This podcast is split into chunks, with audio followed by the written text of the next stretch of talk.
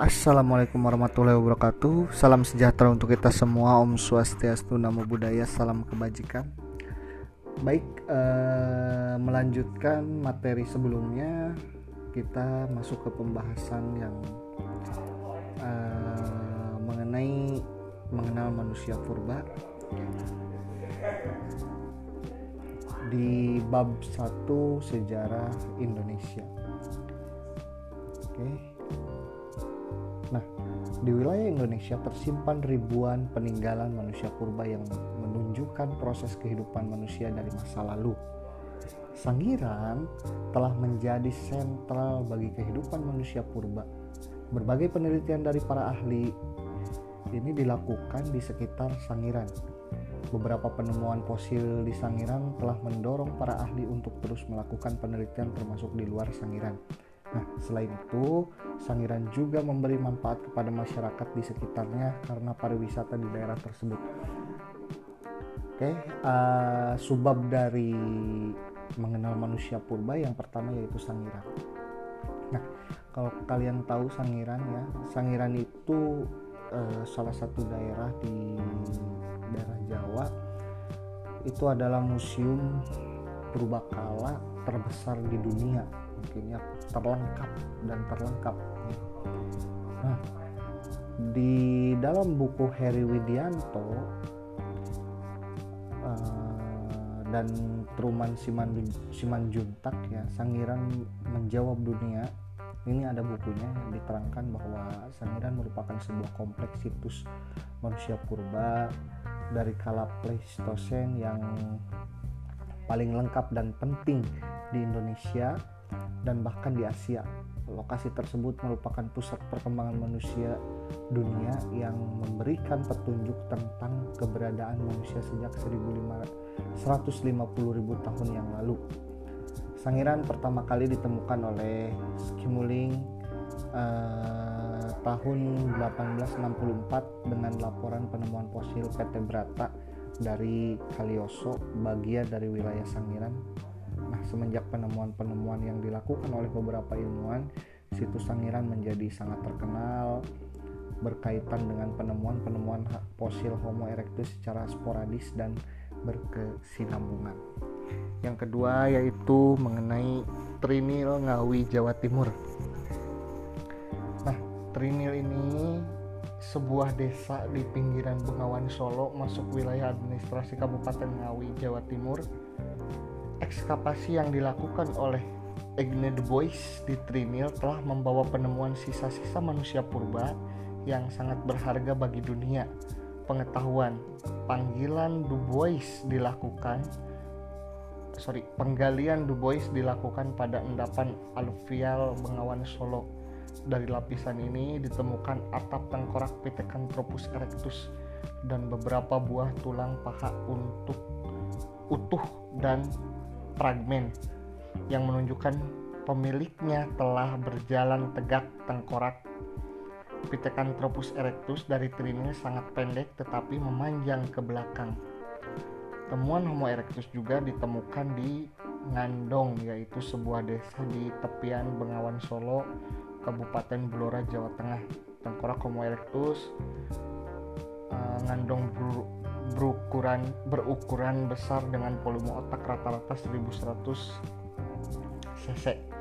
Ciri-ciri ini menunjukkan Homo erectus ini lebih maju bila dibandingkan dengan Homo erectus yang ada di Sangiran. Manusia ngandong diperkirakan berumur antara 300.000 tahun sampai dengan 100.000 tahun. Beberapa jenis manusia purba yang pernah dihidup di zaman praaksara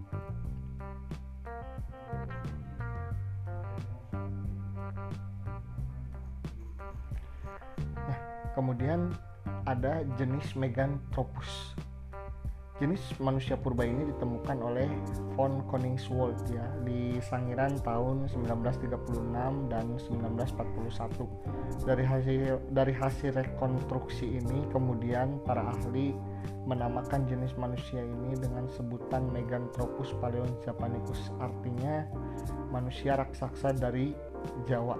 Jenis manusia purba ini memiliki ciri rahang kuat dan badannya tegap. Diperkirakan makanan jenis manusia purba ini adalah tumbuh-tumbuhan. Jadi manusia purba jenis Meganthropus paleonjapanicus ini adalah jenis manusia purba yang memakan tumbuh-tumbuhan. Ya. Yang kedua jenis Pithecanthropus.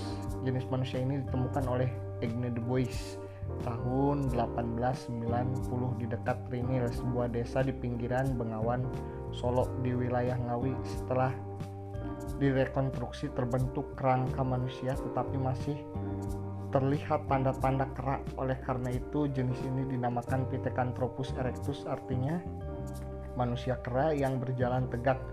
Jenis ini juga ditemukan di Mojokerto sehingga disebut Pithecanthropus mojokertensis diperkirakan jenis manusia purba ini hidup dan berkembang sekitar zaman Pleistosen Tengah yang ketiga yaitu jenis Homo. Fosil jenis Homo ini pertama diteliti oleh von Reisholten di Wajak. Penelitian ini dilanjutkan oleh Igne de Bois bersama kawan-kawan dan menyimpulkan sebagai jenis Homo. Ciri-ciri jenis manusia Homo ini muka lebar, hidung dan mulutnya menonjol, dahi juga masih menonjol sekalipun tidak menonjol jenis uh, Pithecanthropus.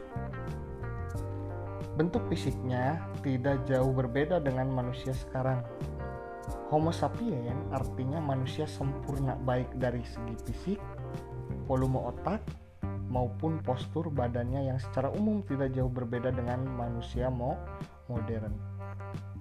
Ciri-ciri morfologis maupun biometris Homo sapien menunjukkan karakter yang lebih berevolusi dan lebih modern dibandingkan dengan Homo erectus.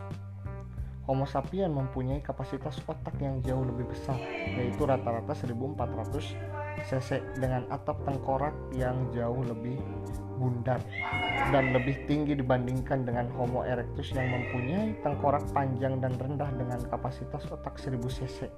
Dalam hal penyesuaian lingkungan, Homo erectus sebagai sub spesies yang sangat tangguh dalam beradaptasi dengan lingkungannya dan dengan cepat menghuni berbagai permukaan di dunia.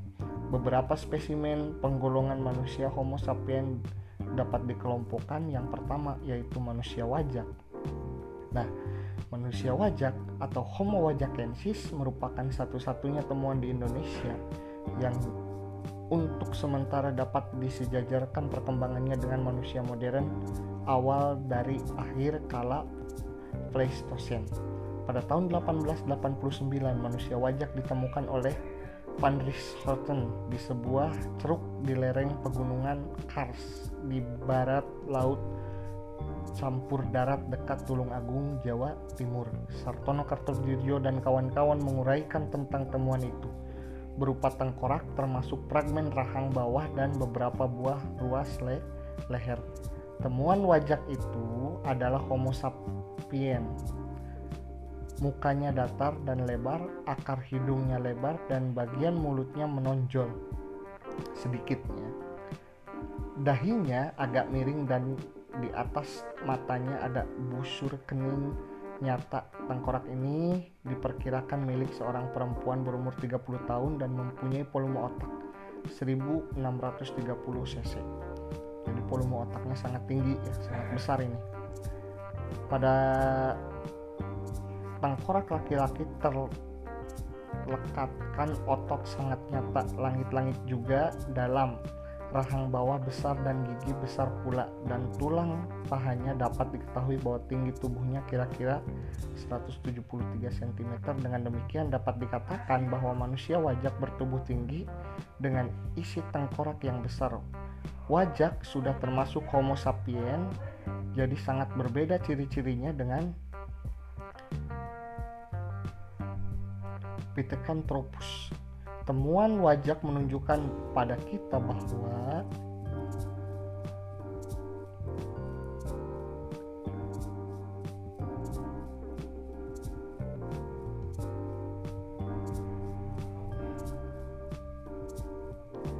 Next, manusia liang gua. Sisa-sisa manusia purba ditemukan di sebuah gua liang gua oleh tim peneliti gabungan Indonesia dan Australia. Sebuah gua permukiman prasejarah di Flores liang bua bila diartikan secara harfiah merupakan sebuah gua yang dingin, sebuah gua yang sangat lebar dan tinggi dengan permukaan tanah yang datar, merupakan tempat bermukim yang nyaman bagi temuan sorry bagi manusia pada masa praaksara. Hal itu bisa dilihat dari kondisi lingkungan sekitar gua yang sangat indah yang berada di sekitar bukit dengan kondisi tanah yang datar di depannya. Manusia liang gua ditemukan oleh Peter Brown dan Meg J. Morwood pada bulan September 2003 yang lalu. Temuan itu dianggap sebagai penemuan spesies baru yang kemudian diberi nama Homo floresiensis sesuai dengan tempat ditemukannya fosil manusia liang bua. Diperkirakan liang bua merupakan sebuah situs neolitik dan paleometalik. Manusia liang bua mempunyai ciri-ciri tengkorak yang panjang dan rendah berukuran kecil dengan volume otak 380 cc karakter kraniofacial dan dari manusia liang bua 1 dan liang bua 6 atau LB6 ya. Menunjukkan dominasi karakter arkaik yang sering ditemukan pada Homo erectus walaupun beberapa aspek modern Homo sapiens juga sangat terlihat jelas Kemudian pembahasan selanjutnya yang ketiga yaitu tentang perdebatan antara Pithecanthropus ke Homo erectus. Dengan penemuan fosil Pithecanthropus oleh Du Bois dihubungkan dengan teori evolusi manusia yang dituliskan oleh Charles Darwin. Dalam publikasi Du Bois menyatakan bahwa menurut teori evolusi Darwin, Pithecanthropus erectus adalah peralihan kerak ke manusia. Pertanyaan Du Bois itu kemudian menjadi perdebatan, apakah benar atap tengkorak dengan volume kecil, gigi berukuran besar dan tulang paha yang berciri modern itu berasal dari satu individu. Sementara orang tersebut menduga bahwa tengkorak tersebut merupakan tengkorak seekor gibbon. Gigi merupakan milik Pongo. Perdebatan itu kemudian berlanjut hingga ke Eropa ketika Du Bois mempresentasikan penemuan tersebut dalam seminar internasional zoologi pada tahun 1895 di Leiden, Belanda. Dan dalam pameran publik British Zoology Society di London. Tahun 1920-an merupakan periode yang luar biasa bagi teori evolusi manusia Teori itu terus menjadi perdebatan para ahli paleonto paleontologi berbicara tentang ontogenesa dan heteroko heterokronis. Penemuan-penemuan kemudian semakin gencar dan berlanjut pada tahun 1927. Penemuan situs Joukoudian di dekat Beijing menghasilkan sejumlah besar fosil-fosil manusia yang diberi nama Sinanthropus pekinensis Tengkorak-tengkorak fosil beserta tulang paha tersebut menunjukkan ciri-ciri yang sama dengan Pithecanthropus erectus. Seorang ahli biologi menyatakan bahwa standar geologis tidak dimungkinkan memisahkan Pithecanthropus erectus dan Sinanthropus pekinensis dengan genus yang berbeda dengan manusia mau modern. Pithecanthropus adalah satu tahapan dalam proses evolusi ke arah Homo sapiens dengan kapasitas tengkorak yang kecil. Karena itulah perbedaan itu hanya perbedaan spesies bukan perbedaan genus. Setelah pernyataan tersebut disampaikan, maka berakhirlah debat pandang mengenai Pithecanthropus dari Du Bois dalam sejarah perkembangan manusia yang berjalan puluhan tahun. Saat ini, Pithecanthropus diterima sebagai hominid dari Jawa, bagian dari Homo erectus. Baik, cukup sekian uh, pemaparan materi hari ini. Kita lanjut di minggu yang akan datang. Terima kasih atas segala perhatiannya. Wabillahi taufiq walhidayah. Wassalamualaikum warahmatullahi wabarakatuh.